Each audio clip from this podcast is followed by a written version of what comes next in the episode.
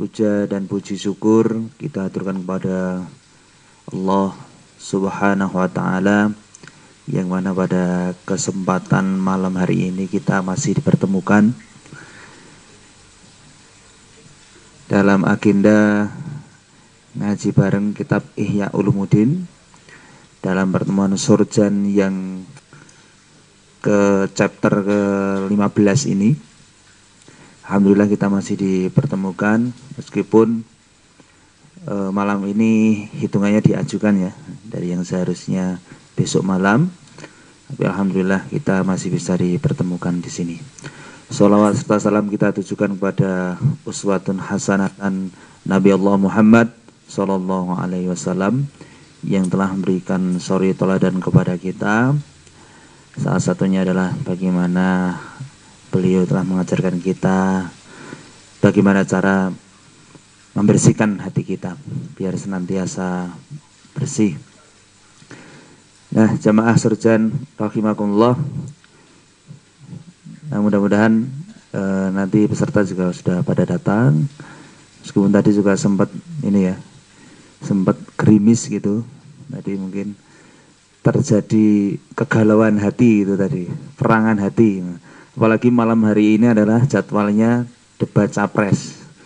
Nah itu nggak tahu ini yang perang setan sama malaikat atau malaikat sama malaikat. Mau surjan atau mau debat capres. Nah itu pilihannya itu. Nah, alhamdulillah sama surjan sekalian untuk agar supaya acara malam hari ini kita diberkahi oleh Allah Taala marilah kita buka terlebih dahulu dengan membaca bacaan basmalah bersama-sama.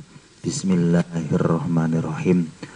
Untuk selanjutnya waktu dan tempat waktu dan tempat kita serahkan kepada Ustadz Ghazali Mukri.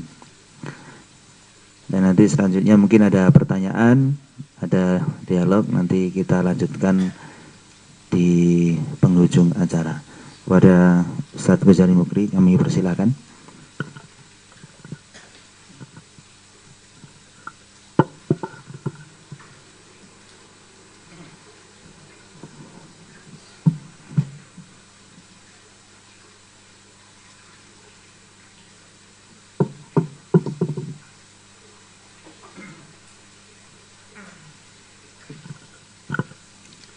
Assalamualaikum warahmatullahi wabarakatuh.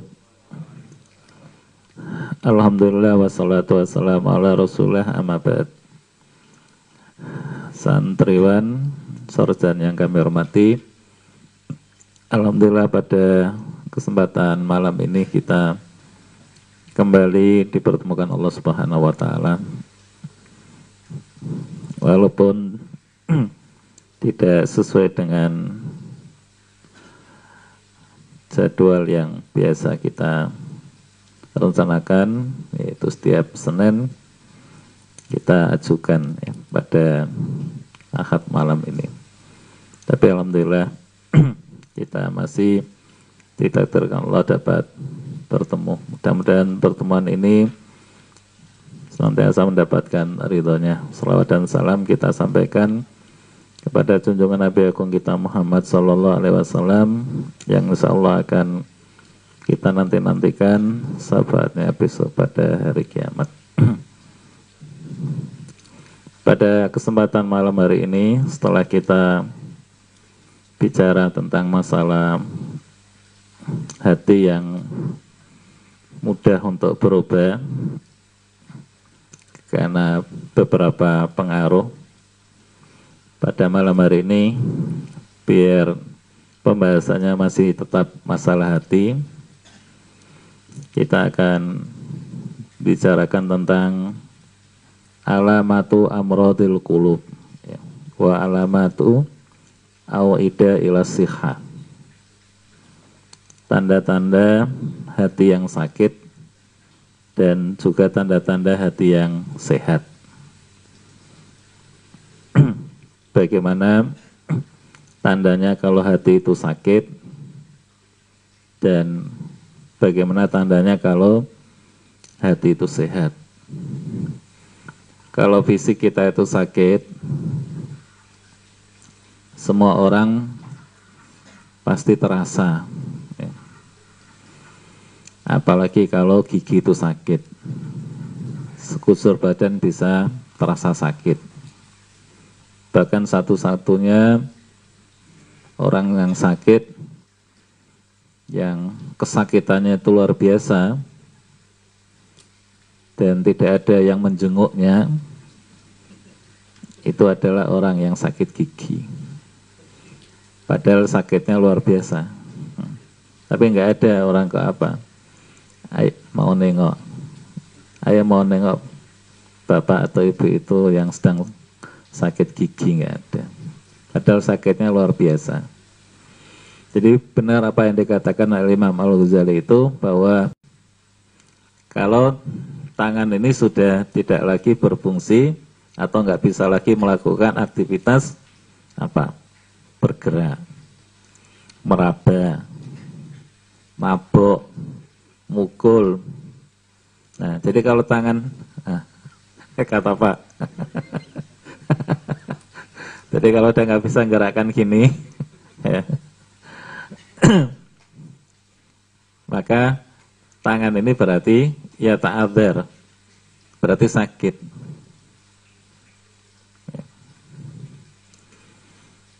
Dia nggak bisa gerak-gerak gini ya. berarti tangan ini apa? Sakit.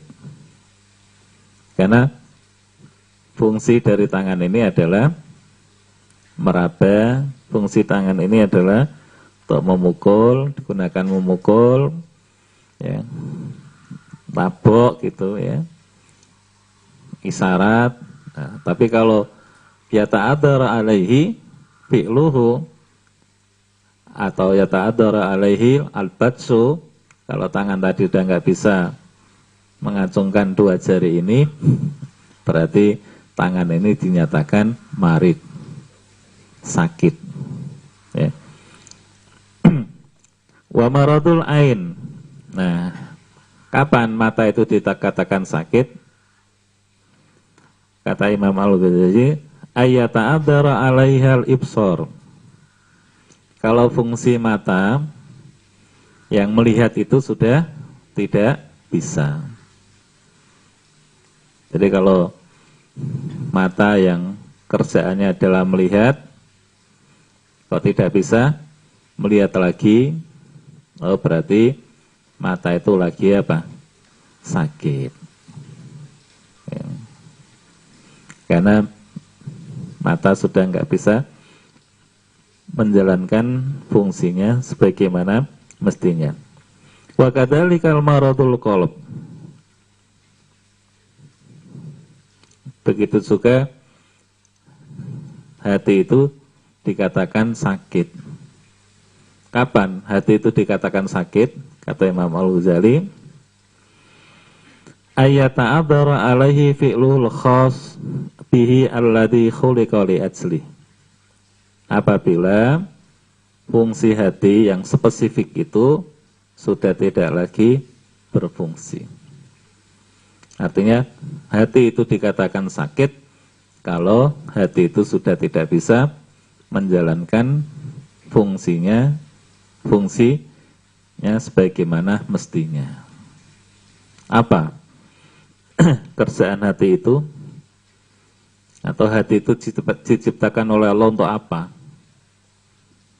Pertama al-ilmu kata Al-Ghazali. Untuk menimba ilmu. Nah, kalau hati itu sudah muak dengan apa? Ilmu, diajak ngaji, nggak mau diajak tasket tidak apa? Mau disodori buku udah nggak mau dia apa?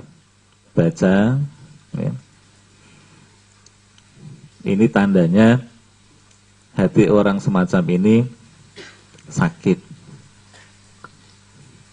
Karena seperti yang awal-awal kita sampaikan pada antum semuanya adalah ada sebuah hadis Nabi yang mengatakan la yasba'al mu'minul al khaira hatta muntahahul jannah. Jadi orang mukmin itu tidak akan pernah terpuaskan hatinya dengan yang namanya ilmu dan lain sebagainya. Yang kedua, wal hikmah. Dia nggak mau menerima nasihat, ya. Apa hikmah itu? Yang pas itu. Jadi hati yang sakit itu kata Imam Al-Ghazali, yang pertama hati itu sudah nggak mau menerima ilmu, nggak mau nimba ilmu. Yang kedua al-hikmah. Hati itu sudah menolak dengan kebenaran. Ya. Setiap ada kebenaran yang datang pada dirinya, maka kebenaran yang datang pada dirinya itu pasti ditolaknya. Karena dan penolakan ya terhadap kebenaran itu sesungguhnya adalah ciri orang yang sombong. Ya.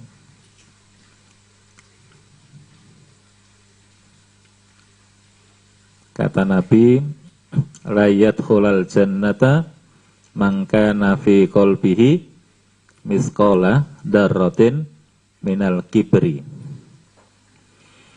Layat hulal jannah ya. Tidak akan sekali-kali orang yang tidak akan sekali-kali masuk surga. Siapa? Mangka nafi kolbihi miskola darrotin mingkibir kalau pada hatinya itu terbetik rasa sombong walaupun hanya sebesar atom. Nah, apa sombong itu? Ya. Yang kedua, wal ma'rifah.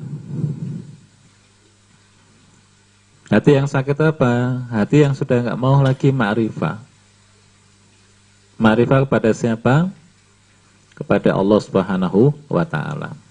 Hati yang tidak mengenal Allah Subhanahu wa taala. Makanya ada ungkapan man arafa nafsahu arafa robbahu itu. Barang siapa yang mengenali jati dirinya sendiri, maka ia akan mengenali Allah Subhanahu wa taala.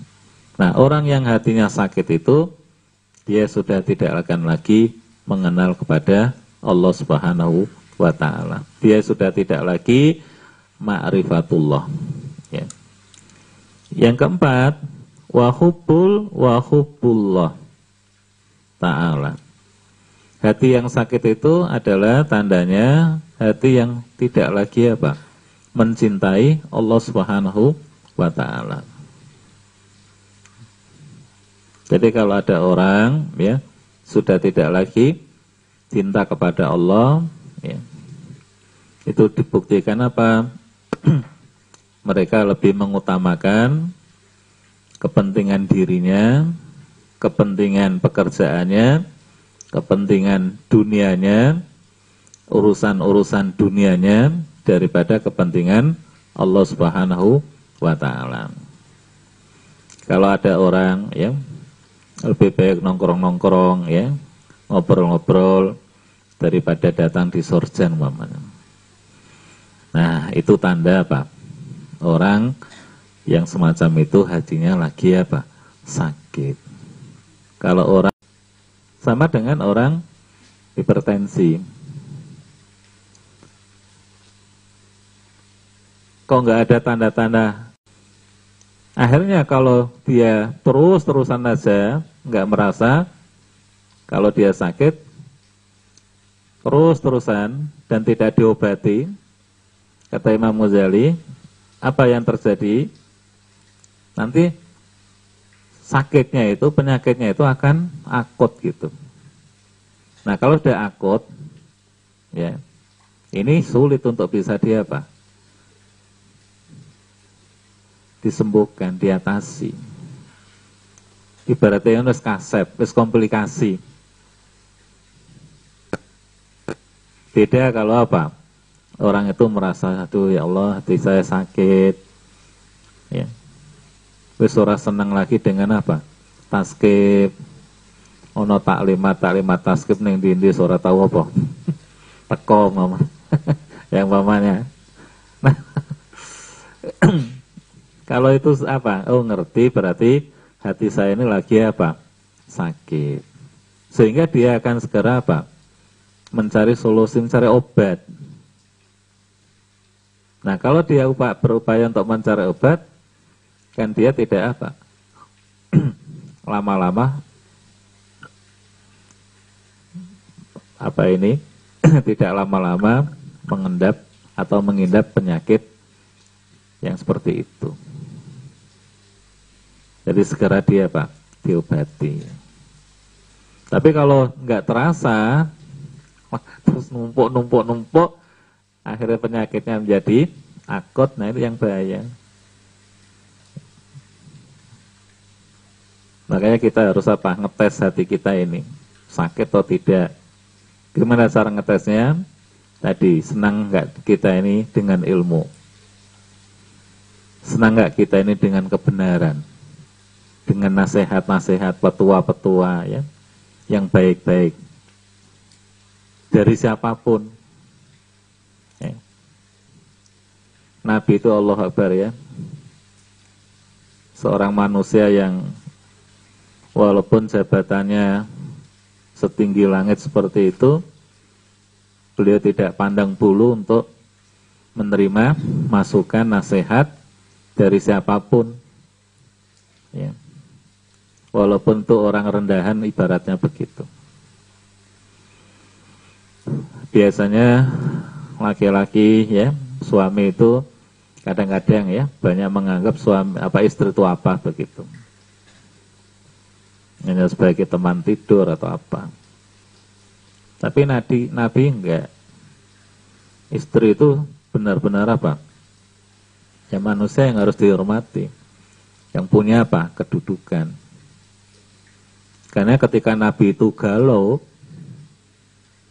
karena Nabi itu disepelekan patuannya oleh sahabat-sahabatnya, langsung Nabi mendatangi istrinya. Nah, apa Nabi pernah disepelekan sahabat-sahabatnya? Pernah. Ketika Nabi dan sahabat itu selesai umroh, Nabi nyuruh sahabat itu untuk cukur. Jadi botak itu. Gak ada yang mau sahabat itu. Maulah. Mungkin apa? Nabi nanti kami-kami seperti sulin gitu ya. nah, nolak. Nah, Nabi galau. Akhirnya apa? Nabi masuk ke rumah Ummu Salamah. Nah, orang yang hatinya galau kan bisa terbaca ya. Ummu Salamah tanggap, ada apa Nabi? Kaum Nabi Lut itu ya, atau zaman Nabi Lut itu terulang. Tapi begitu hujan, nah wajah Nabi sudah apa? Kelihatan padang ceria, terang. Makanya beliau kemudian berdoa, soyiban nafian, soyiban nafian. Ya Allah, jadikanlah hujan ini hujan yang berkah. Nah, jadi kegalauan Nabi itu bisa dibaca oleh siapa? istri-istrinya itu termasuk Ummu Salamah. Begitu masuk langsung tanya ada apa Nabi? Langsung Nabi apa terus terang itu loh saya di limpehke atau disepeleke oleh sahabat-sahabat itu. Mereka aku suruh syukur nggak ada yang mau. Ya begini aja Nabi dah. Ya tukang cukur mau mencukur rambut Nabi itu lensem semua. Malu semua mereka di hadapan Nabi. Akhirnya apa? Mereka meminta untuk juga dia apa? Cukur rambutnya. nah, sekelas Nabi ya seperti itu. Ya. Beliau masih mau menerima apa? Hikmah, masukan, nasihat, ya dari orang yang ada di bawahnya.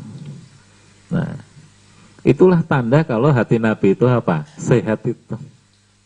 Kalau hati yang nggak sehat, lihat-lihat. Makanya ya afwan ini hanya saya raja, hanya surat atau apa ya. saya itu pernah jadi guru juga dulu ya. Di Mu'alimin itu jadi saya masuk Mu'alimin itu tahun 80 eh ke Jogja ini tahun 85 setengah tahun kos gitu ya tapi setengah tahun dari semester kedua ya, ada teman ngajak untuk bantu ngajar di mualimin itu nah dari sekian guru yang ada saya itu yang paling kecil Om baru lulus dari pondok alia ya jadi paling kecil nah karena mungkin kecil itu ya di situ itu hanya makan hati.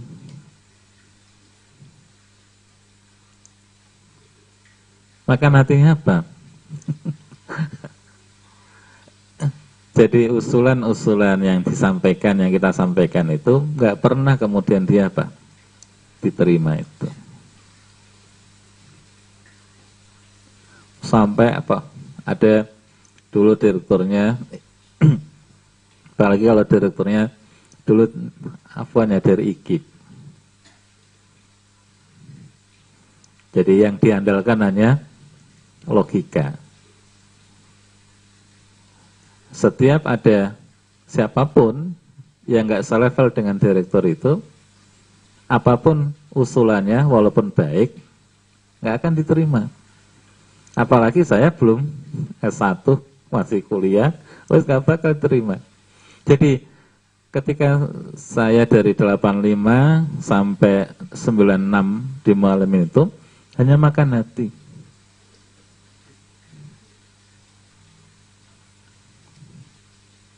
Dan itulah dulu yang disampaikan oleh saya pernah lihat RCTI pas Pak Nur Khalis Majid kan sering di RCTI itu. Nah salah satu karakter orang Yahudi itu adalah dia tidak akan mau menerima pendapat masukan dari orang lain kalau tidak selevel. Jadi kalau S1 ya harus S1 ya. S2, S2, doktor, S3, S3, profesor, profesor. Dokter kok memberikan masukan pada profesor, nggak mungkin diterima. SMA memberi masukan S1 orang bakal diterima. Jadi ilmu-ilmu orang Yahudi itu termakan semua oleh orang kita itu. Sehingga ada apa? Ada gap. Maksudnya kan tidak. Kebenaran itu dari siapa pun kan. Datangnya. Harus kita apa? harus kita terima nggak pandang bulu apa dia itu S1, S2, S teler gitu. asalkan kebenaran tetap harus apa ya kata Nabi al aina ma wajatuhul hikmah fa antum ahaku kan gitu di mana saja kamu mendapati kebenaran itu kamulah yang lebih berhak untuk menerima kebenaran itu jadi tidak harus apa pandang-pandang seperti itu. Nah, orang kalau memilah-milah ya dalam menerima kebenaran dari orang lain atau dari mana saja seperti itu, itu tanda kalau orang itu hatinya lagi apa? Sakit itu. Maka bagi tanda orang itu hatinya sakit atau tidak, ya menerima enggak orang tuh kebenaran dari orang lain menerima nggak nasihat dari orang lain itu. Maka tanda kalau hati itu sakit adalah ya tadi dia lebih mementingkan ya urusan dunianya atau urusan Allah. Kepentingan akhirat atau kepentingan apa? Dunia.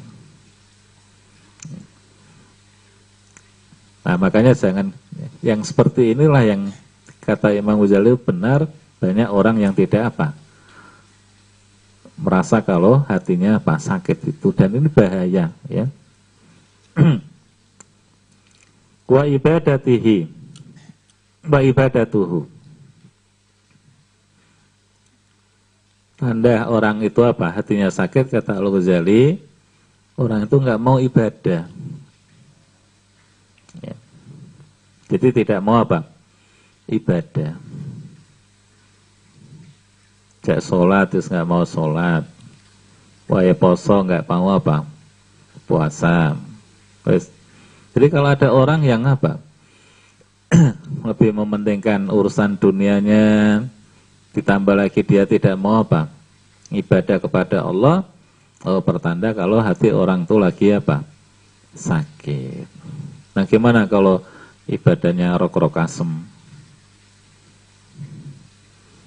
Kapan disorot media ibadah ya? Kalau tidak enggak. Ikut tambah teman-teman sakit ya. Fi qulubihim maradan fazadahumullahu maradan nah, nah, yang selanjutnya tandanya kalau hati itu sakit apa? Watalat tutu bitikrihi tanda kalau hati sakit itu adalah kalau orang itu sudah tidak merasakan nikmatnya apa? Dikir pada Allah Subhanahu wa taala. Kufar. Ya. Kama yakrahu ayuk dafa ilan nar. Dia ada enggak suka lagi untuk kembali ke agama apa kafir udah enggak mau kembali lagi ke masa-masa yang silam yang kelam itu enggak mau mengulangi apa masa-masa yang kelam itu. Ketidaksukaannya itu untuk kembali ke mengulangi masa apa? Kelamnya itu seperti dia mau dicampakkan ke dalam api neraka itu. Nah, kalau pada diri kita ini apa? Memiliki tiga hal ini, maka kita akan merasakan apa? Nikmatnya iman. Kita akan apa? Merasa lego ya, iso datang di surzen ini. Nanti antum pulang merasa apa? Lego. Oh enak. Bar dari apa? Surjan. Daripada antum memilih baiknya ono debat capres ya. Nah. Sama dengan ya, antum bisa menunaikan sholat lima waktu atau sholat jamaah di masjid pulang dari masjid itu mesti lega kita. Daripada kita apa? Duduk di rumah atau ngobrol-ngobrol dengan apa? Kawan melewatkan sholat bersama itu. Kita kok setiap habis maghrib bisa baca Quran, itu pasti kita akan merasa hati kita ini apa? Lega. Ya. Nah itulah kata Nabi yang namanya wajada halawatal iman ya tugas-tugas dakwah.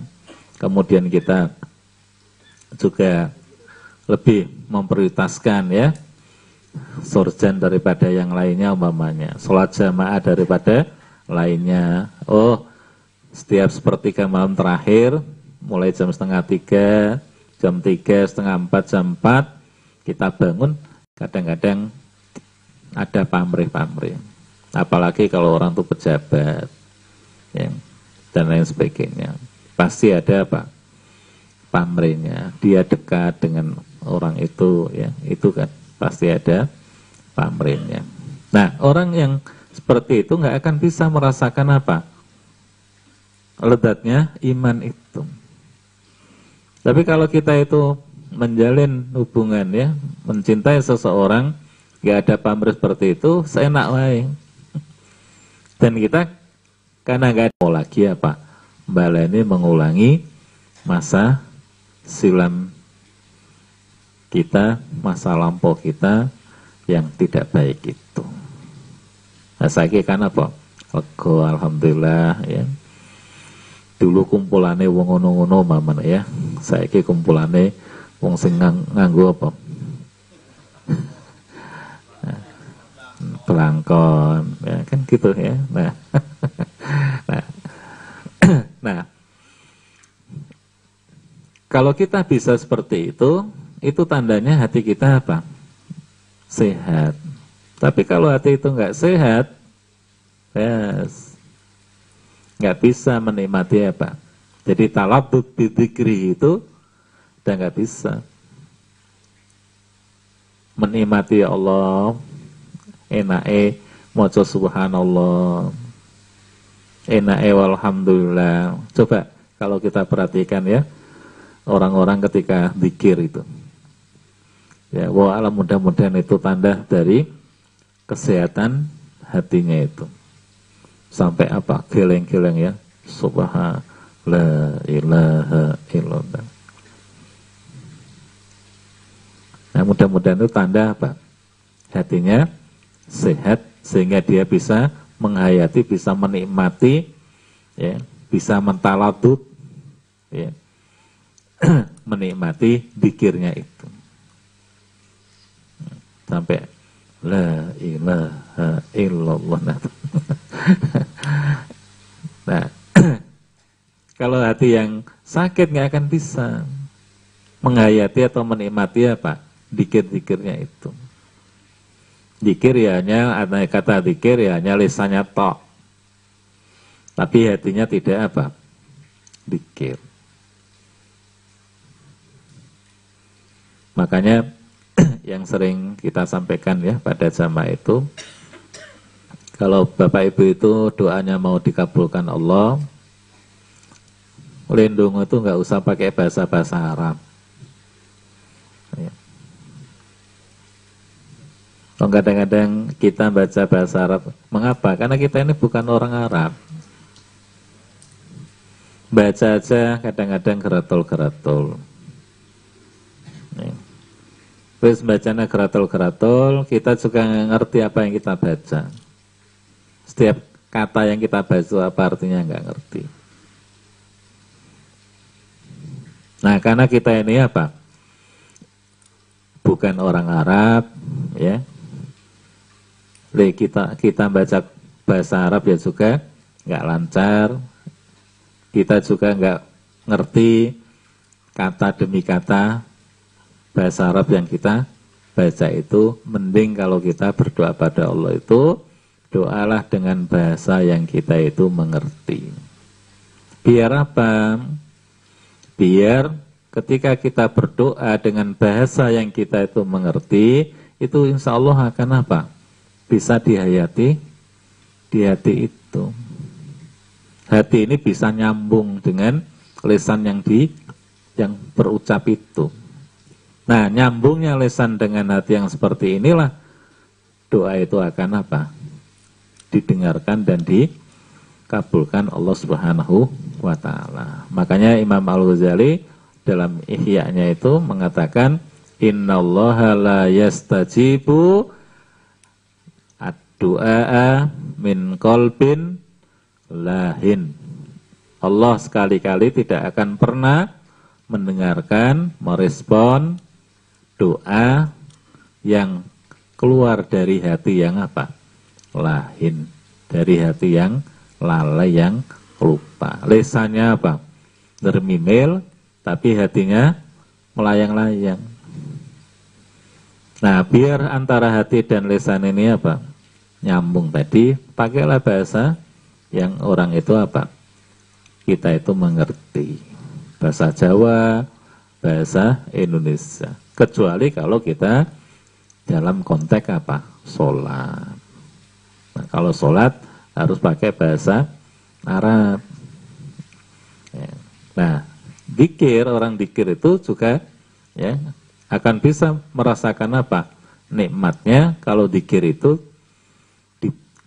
dipautkan dengan hati itu tidak hanya lisannya yang apa dermimil subhanallah subhanallah tapi hatinya tidak nyambung dengan ucapan subhanallah itu. Ya. Nah kalau orang ya itu tidak bisa merasakan lezatnya atau nikmatnya berzikir pada Allah Subhanahu wa taala itu pertanda kalau orang semacam itu hatinya lagi sakit Masya Allah ya. Kemudian juga tandanya ya kalau orang itu apa sakit. Wa isaruhu dalika ala kulli syahwatin siwahu. Tanda kalau orang itu hatinya sakit, kalau orang itu lebih mengutamakan urusan-urusan dunianya daripada urusan atau kepentingan Allah Subhanahu wa taala. Ya. Jadi kalau orang itu lebih apa? Mementingkan isaruhu ala dalika, isaruhu dalika ala kulli syahwatin. Kalau orang itu lebih memprioritaskan ya, kesenangan-kesenangan syahwat, kesenangan-kesenangan dunia daripada Allah Subhanahu wa taala, maka orang semacam ini dengan syahwat yang kita apa? Nomor satukan itu. Itu kita ya, sampingkan. Yang kita prioritaskan adalah kepentingan-kepentingan Allah Subhanahu wa taala itu. Nah, tanda kalau hati orang itu sakit, orang itu lebih mementingkan apa? Kepentingan-kepentingan syahwat di atas kepentingan Allah Subhanahu wa taala itu.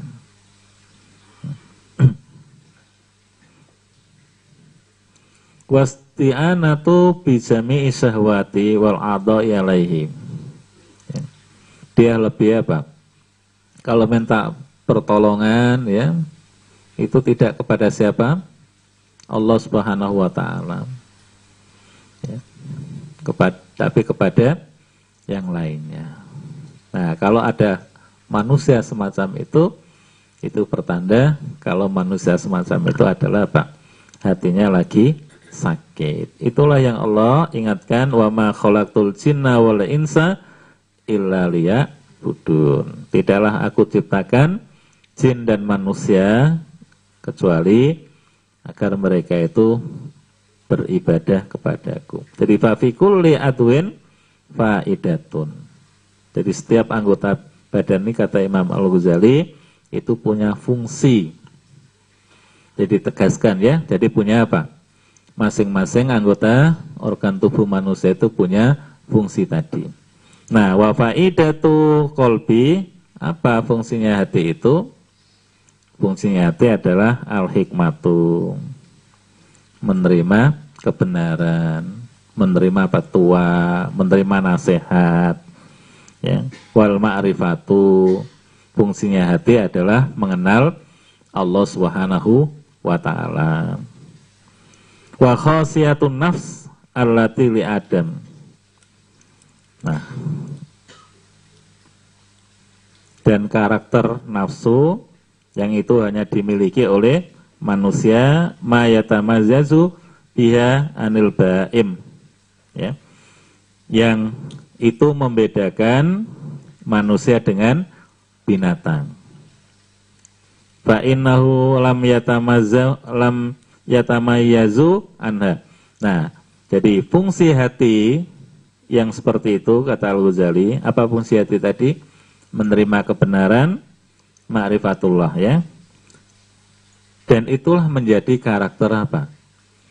Nafsu manusia.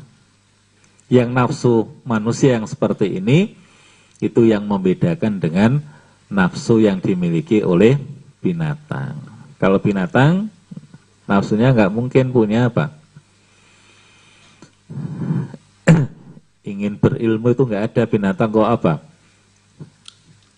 ingin belajar atau menimba apa? Ilmu. Gak mungkin binatang itu ya punya keinginan untuk menerima nasihat.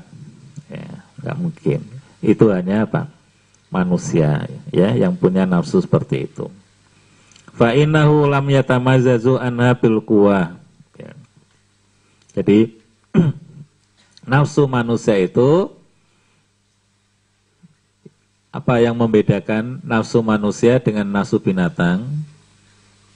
Kalau nafsu binatang itu adalah nafsu yang berkuati ala akal.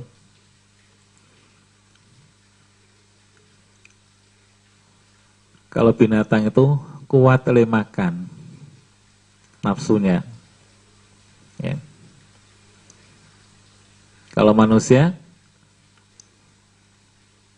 punya enggak kuatul al akal itu? Ya kita makan kan biasa-biasa aja. Kalau binatang kan apa? Nafsu mangan baik gitu. Kayak apa? Enggak enti-enti. Yang kedua, apa nafsu apa? Binatang itu wal wako, wiko. Afan ya. Binatang itu memiliki kekuatan apa? Ini apa? Herpes tubuh.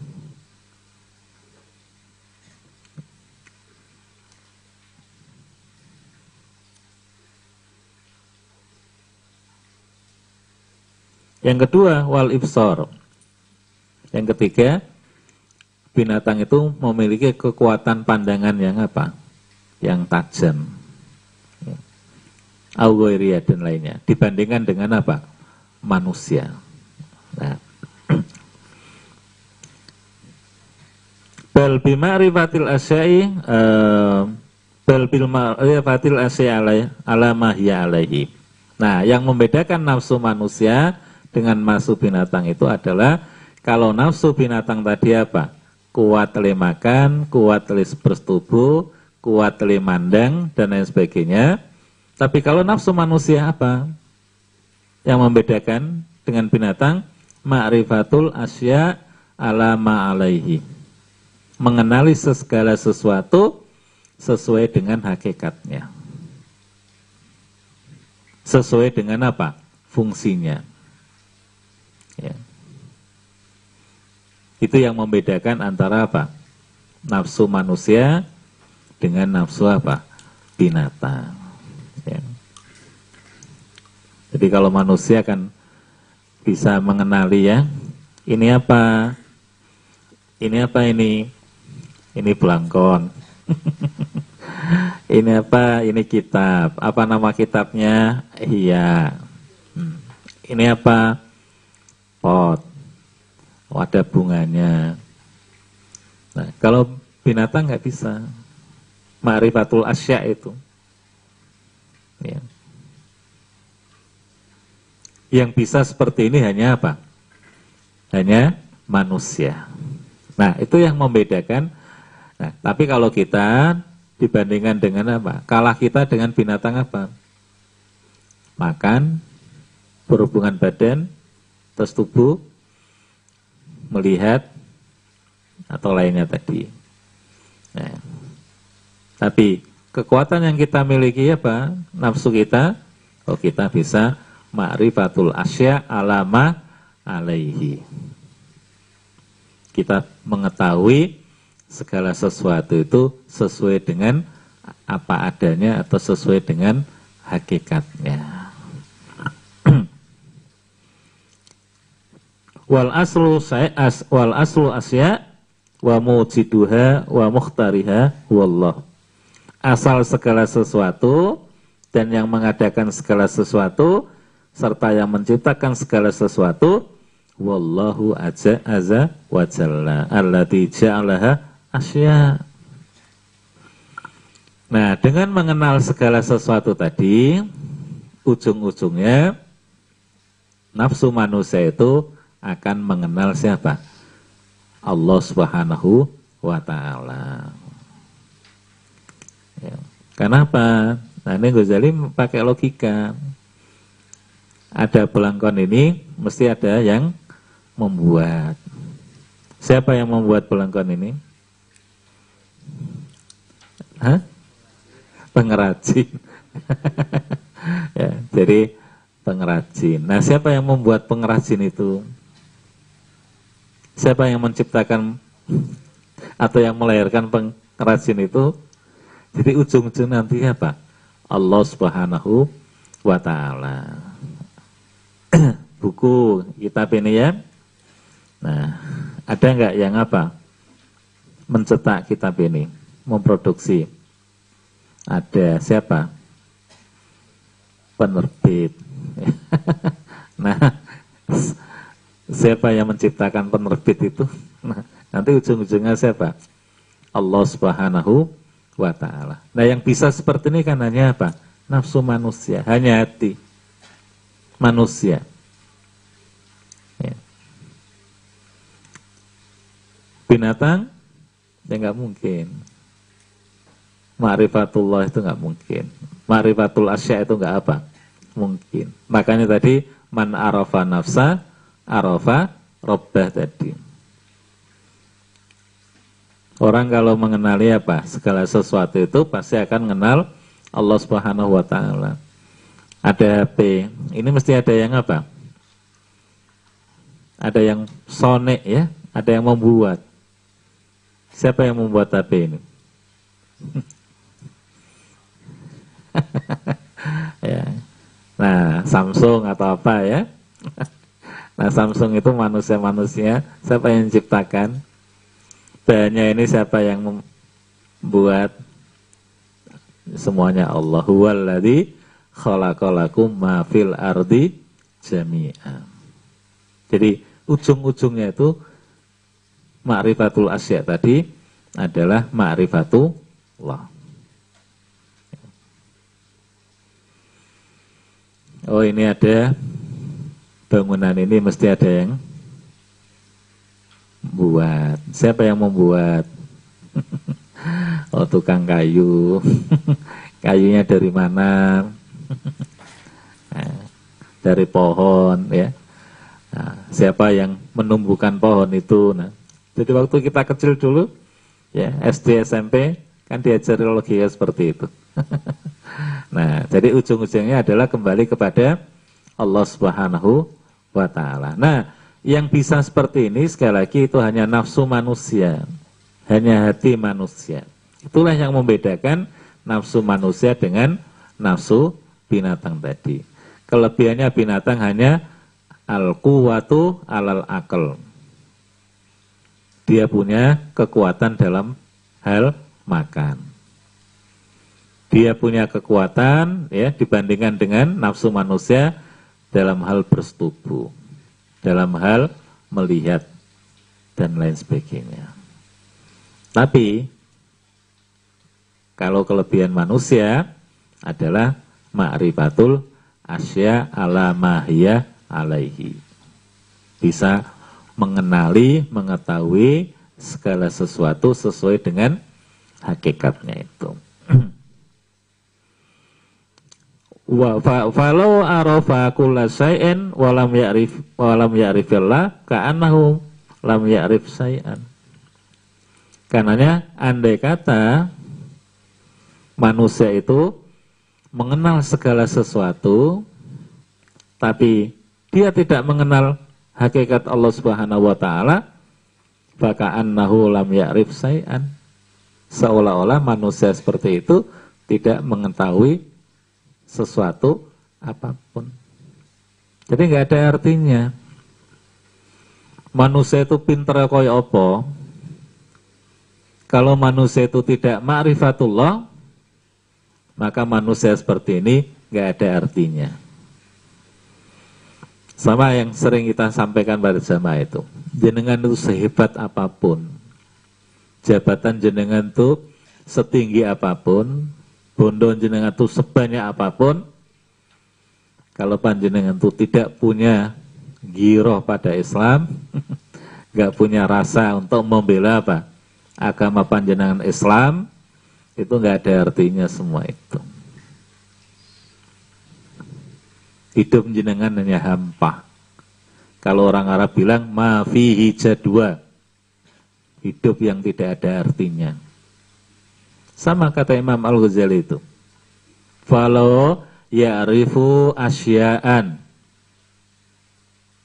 Walam ya'rifillaha faka'annahu la ya'rifu syai'an orang itu sepandai apa pun, ya, ilmunya sebanyak apa pun, tapi kalau orang itu tidak mengenal Allah, faka'annahu la ya'rif saya seolah-olah orang tuh nggak ada artinya. Jadi ilmu yang dia apa? Miliki itu nggak ada apa? Gunanya nggak ada manfaatnya. Allah Akbar. Ya. karenanya apa? Hati itu perlu apa? Sehat tadi. Biar hati itu ma'rifatullah. Ya. Senang dengan ilmu senang dengan hikmah ya. Lebih apa? Mencintai Allah ya. Suka beribadah kepada Allah merasa nikmat ya. Kalau orang itu apa? Kepada Allah. Merasa tenang hatinya di saat apa? Pikir kepada Allah Subhanahu wa taala lebih memprioritaskan kepentingan Allah daripada kepentingan-kepentingan syahwatnya itu nah kalau kita bisa seperti itu itulah tandanya kalau hati kita itu apa? Sehat. Maka wa alamatul ma'rifatillah ma'rifah apa? Al-mahabbah. Tanda ma'rifatullah itu adalah apa? Mahabbah. Cinta kepada siapa? Allah Subhanahu wa taala. Faman arafallaha ahabbahu. Barang siapa yang mengenal Allah, maka orang itu pasti akan mencintainya. Makanya ada peribahasa tak kenal, tak sayang. Ya. Kalau orang itu apa? Mengenal ya jati diri seseorang, maka dia akan apa? Cinta, dia akan apa? Sayang. Tapi kalau orang itu belum mengenal jati dirinya, jati diri orang lain, ya mungkin orang itu akan tumbuh rasa apa? Sayang itu. Sama dengan kalau kita ini tidak mengenal Allah manusia itu, maka manusia itu tidak akan sayang kepada siapa? Allah tidak akan cinta kepada Allah Subhanahu wa taala. Makanya perlu manusia itu mengenali Allah Subhanahu wa taala biar apa? tumbuh dalam hatinya itu rasa cinta atau mahabbah kepada Allah Subhanahu wa taala. Dan itu nanti akan diikuti oleh tutur kata dan perilaku-perilakunya. Nah, wa alamatul mahabbati apa tandanya? Kalau hati itu cinta kepada Allah Subhanahu wa taala, Allah yusiru alaidunya Allah tidak dikalahkan oleh kepentingan-kepentingan dunianya.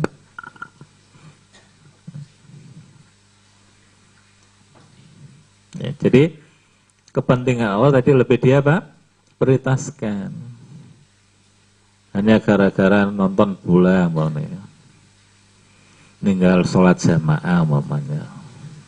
Ninggal liko umpamanya. Oh berarti orang itu nggak cinta kepada Allah. Kalau orang itu cinta kepada Allah, nggak bakal, ya hanya gara-gara apa? Nonton bola umpamanya, ya sampai ninggalkan likoknya, sampai ninggalkan taskipnya, ya. Sampai bablas tidurnya sehingga tidak sholat malam umpamanya. Saya nggak mungkin. Jadi la yu'thiru ala hidunya wa alamatul mahabbah tanda ya. Cinta kepada Allah apa? Allah tidak dikalahkan ya dengan urusan apa? Dunianya itu wala ghairuha wala ghairuha minal mahbubat ya dan juga Allah tidak apa dikalahkan dengan hal-hal yang dia apa cintai ya. oh ngebut ke anak, ngajak apa? Main-main anak, ya, apalagi maunya pas liburan. Ya. Tapi meninggalkan apa? Kegiatan-kegiatan dakwahnya umpamanya. Mestinya ada liko, mestinya ada rapat yang itu urgen, ya. Tapi dia apa? Tinggalkan hanya ngeboti apa? Anaknya atau ngejak apa? Jalan-jalan atau mungkin anaknya ngajak ya. Biba, yuk kita jalan-jalan. Kan udah lama nggak jalan-jalan. Surjanya ditinggal umpamanya ya. Hanya ngeboti apa? Nah, kan boleh kita ya, mahbubat. Cinta anak kan boleh ya. Kita jalan-jalan juga apa? Boleh. Ya. Tapi jangan sampai hal semacam itu mengalahkan apa?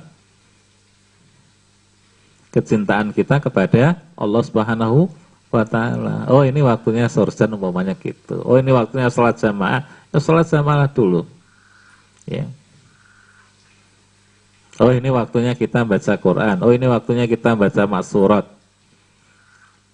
Ya kita utamakanlah itu dulu ya. Jangan sampai ini dikorbankan kegiatan-kegiatan ibadah semacam ini hanya gara-gara kita ingin menyenangkan anak-anak kita. Umpamanya seperti itu. Karena apa? Tanda cinta kita kepada Allah itu adalah la yu'siru alahi dunya wala au ghairuha minal mahbubat. Ya. Nah, hal inilah kul ingkana abaukum wa abnaukum wa ikhwanukum wa azwajukum. Kita boleh ya cinta kepada siapa? Ayah ibu kita, anak-anak kita, saudara kita, istri atau suami kita. Ya. Tapi jangan sampai apa? Kecintaan kita kepada ayah ibu kita, kepada anak-anak kita, saudara kita, istri kita, suami kita, pekerjaan kita itu mengalahkan apa? Minallahi wa rasulihi. Mengalahkan kecintaan kita kepada siapa? Allah, kepada Rasulnya, dan jihad di jalan Allah Subhanahu wa taala. Nah, kalau kecintaan-kecintaan ya yang boleh kita cintai tadi mengalahkan kecintaan kepada siapa? Allah, Rasul dan jihad di jalannya, apa kata Allah? Fatarabbasu. Tunggu apa? Kehancuranmu saja. Jadi orang yang apa? Mengalahkan ya kecintaannya kepada Allah dan kepada Rasulnya atau jihad itu hanya tinggal tunggu apa? Kekalahannya aja, kehancurannya aja. Ya. Jadi pada suatu ketika, pada satu saat orang itu akan mendapatkan apa? Peringatan atau kekalahan dari Allah Subhanahu wa taala. Karena apa? Mereka atau Allah merasa di nomor sekian kan. di nomor dua kan ya. Nah, kalau sekarang nomor dua baik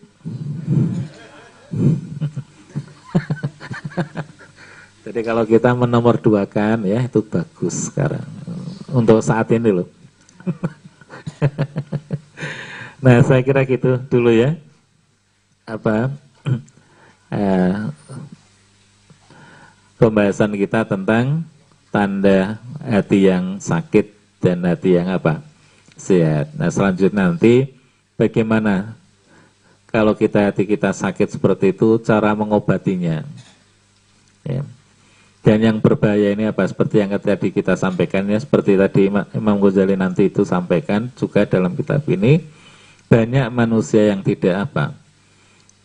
Merasa kalau hatinya itu apa? Sakit. Ya.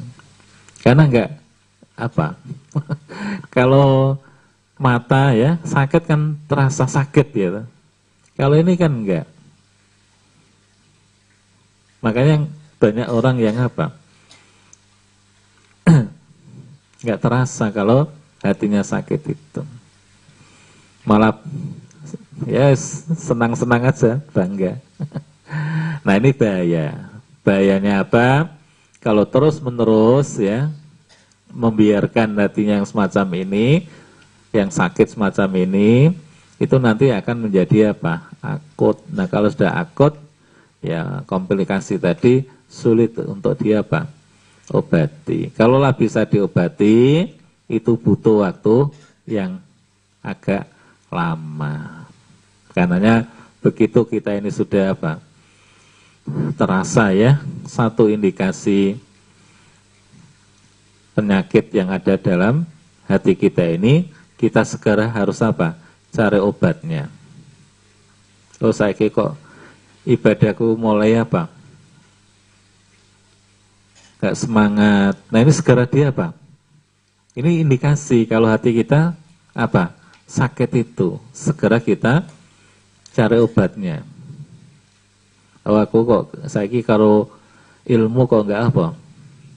Gak ada semangat untuk nimba ilmu, untuk belajar ilmu, untuk mencari ilmu, ya. Padahal Nabi itu menganjurkan kita utul ilma minal apa minal mahdi ilal lahdi ya mulai dari buayan sampai kita nanti masuk ke liang lahat nah kok kita ini apa? Usianya masih seperti ini ya. Kok malas untuk apa? Tolabul ilmi umpamanya. Nah ini kita sekarang apa? Obati. Oh berarti hati kita ini sakit gitu. Dan seterusnya seterusnya tadi ya. Biar apa? Sekali lagi hati kita ini tidak sakitnya hati itu tidak. Komplikasi dan akibatnya adalah apa? akut yang nanti akan susah untuk diobati. Kalaulah bisa diobati sekali lagi itu butuh waktu yang agak apa? lama. Naudzubillah min dzalik. Ya, wallahu alam bisawab. Assalamualaikum warahmatullahi wabarakatuh.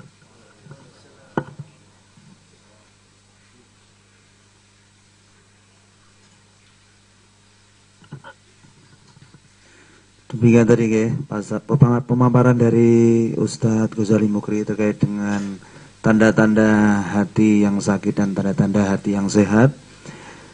Tadi sampaikan beberapa intinya uh, kita kembalikan kepada tujuan Allah menciptakan hati itu apabila kita menselisihi atau kita berkebalikan dengan tujuan Allah menciptakan hati itu maka sudah dipastikan hati kita ini dalam keadaan sakit.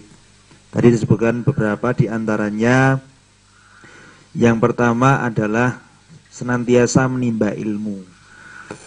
Berarti kalau berkebalikannya berarti hati kita sakit. Kalau sudah tidak mau belajar, baca, ngaji, maka itu sudah nyatakan sakit.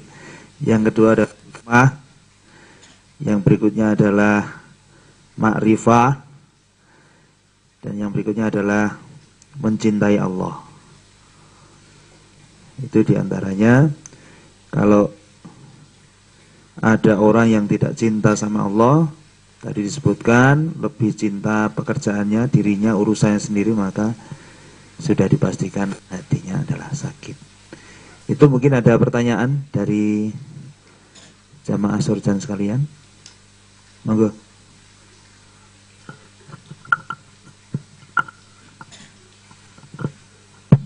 Dan non Ustaz. Bismillahirrahmanirrahim. Assalamualaikum warahmatullahi wabarakatuh. E, terkait dengan hati yang sakit dan ke hati yang sehat Ustaz. E, jadi ingat kadang jadi seperti kayak iman gitu Ustaz. Kadang, iman naik, kadang turun gitu. Nah insya Allah kalau kita ikut sur surjan seperti ini, insya Allah hati jadi sehat Ustaz ya. Tapi seminggu nggak ketemu surjan lagi mungkin mulai tadi tanda-tanda kayak gitu. Nah, uh, antara sehat sama sakit itu kadang-kadang gak, ini apa namanya? Kita kan perlu deteksi dini gitu. Nah, salah satunya itu terkait dengan yang tadi kata dengan alikmah Ustaz. Kadang itu hati juga menerima Ustaz. Tapi untuk menjadikan suatu itu tindakan hati menerima, tapi kok dilakoni nah, ada hal yang buruk tapi tetap dilakoni yang ngapunten misalkan yang uh, beberapa itu sering jadi contoh masalah rokok nih Zat. Rokok itu kalau di bahkan di sekarang tulisannya itu kan membunuhmu Zat ya. Kadang-kadang diplesetnya kan membunuhmu tidak membunuhku kadang-kadang rokok malah gitu. Nah itu eh, bagaimana Ustaz? Hati yang menerima tapi bisa eh, menjadikan suatu amal perilaku yang ber, apa, berkolerasi gitu Ustaz. Nah ini eh, fenomenanya kadang menerima hatinya tapi tidak sampai ke tindakan Ustaz. Nah itu pripun untuk solusinya. Ya, Turun Ustaz.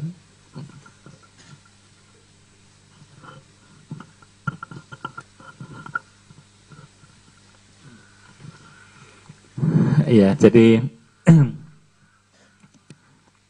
antara hati dengan perilaku ya. Jadi hati menerima bahwa itu kebenaran, bahwa itu hal yang baik itu. Tapi sulit untuk diaplikasikan. Nah, kalau memang itu kebenaran ya, yang diterima oleh hati tentu kebenaran yang diterima oleh hati seperti itu tentunya itu akan mudah untuk dilakukan. Tapi kok dalam kenyataannya nggak bisa dilakukan? Oh berarti kebenaran tadi belum sepenuhnya diterima oleh hati itu. Karena kemarin ya sudah kita sampaikan fa amma man a'ta wattaqa wa saddaqa bil husna fasanuyassiruhu lil yusra. Jadi kalau hati kita ini bersih ya dengan kebersihan hati itu kita menerima al-hikmah, menerima kebenaran, menerima nasihat ya yang baik tentunya nah, nasihat yang baik dan kebenaran itu benar-benar diterima oleh hati yang bersih tadi, kata Allah, maka orang itu akan dimudahkan oleh Allah untuk melakukan kebenaran yang diterima oleh hati, nasihat yang diterima oleh hati itu. Nah, kalau orang itu kok merasa apa? Sulit untuk mengaplikasikan nasihat atau kebenaran yang sudah diterima oleh hati tadi itu pertanda bahwa penerimaan ya nasihat atau kebenaran tadi itu belum sepenuh hati karena kalau itu sudah diterima dengan sepenuh hati ya insya Allah akan mudah untuk dia apa diaplikasikan atau dilaksanakan ya. begitu kira-kira Nah, makanya kita harus apa? Tadi harus uh, beriringan ya untuk membersihkan hati juga tadi. Biar ketika hati itu yang bersih itu ya menerima kebenaran, maka insya Allah akan mudah untuk bisa diaplikasikan.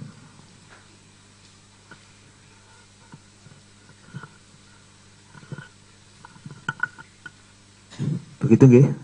Uh, dari Ustadz terkait dengan pertanyaan tadi dan Alhamdulillah nah waktu juga sudah malam. Marilah kita akhiri kegiatan kajian surjan pada malam hari ini dengan membaca bacaan hamdalah dan doa khafaratul majlis. Alhamdulillah Subhanakallah bihamdik. Assalamualaikum warahmatullahi wabarakatuh. Untuk pertemuan berikutnya, insya Allah, karena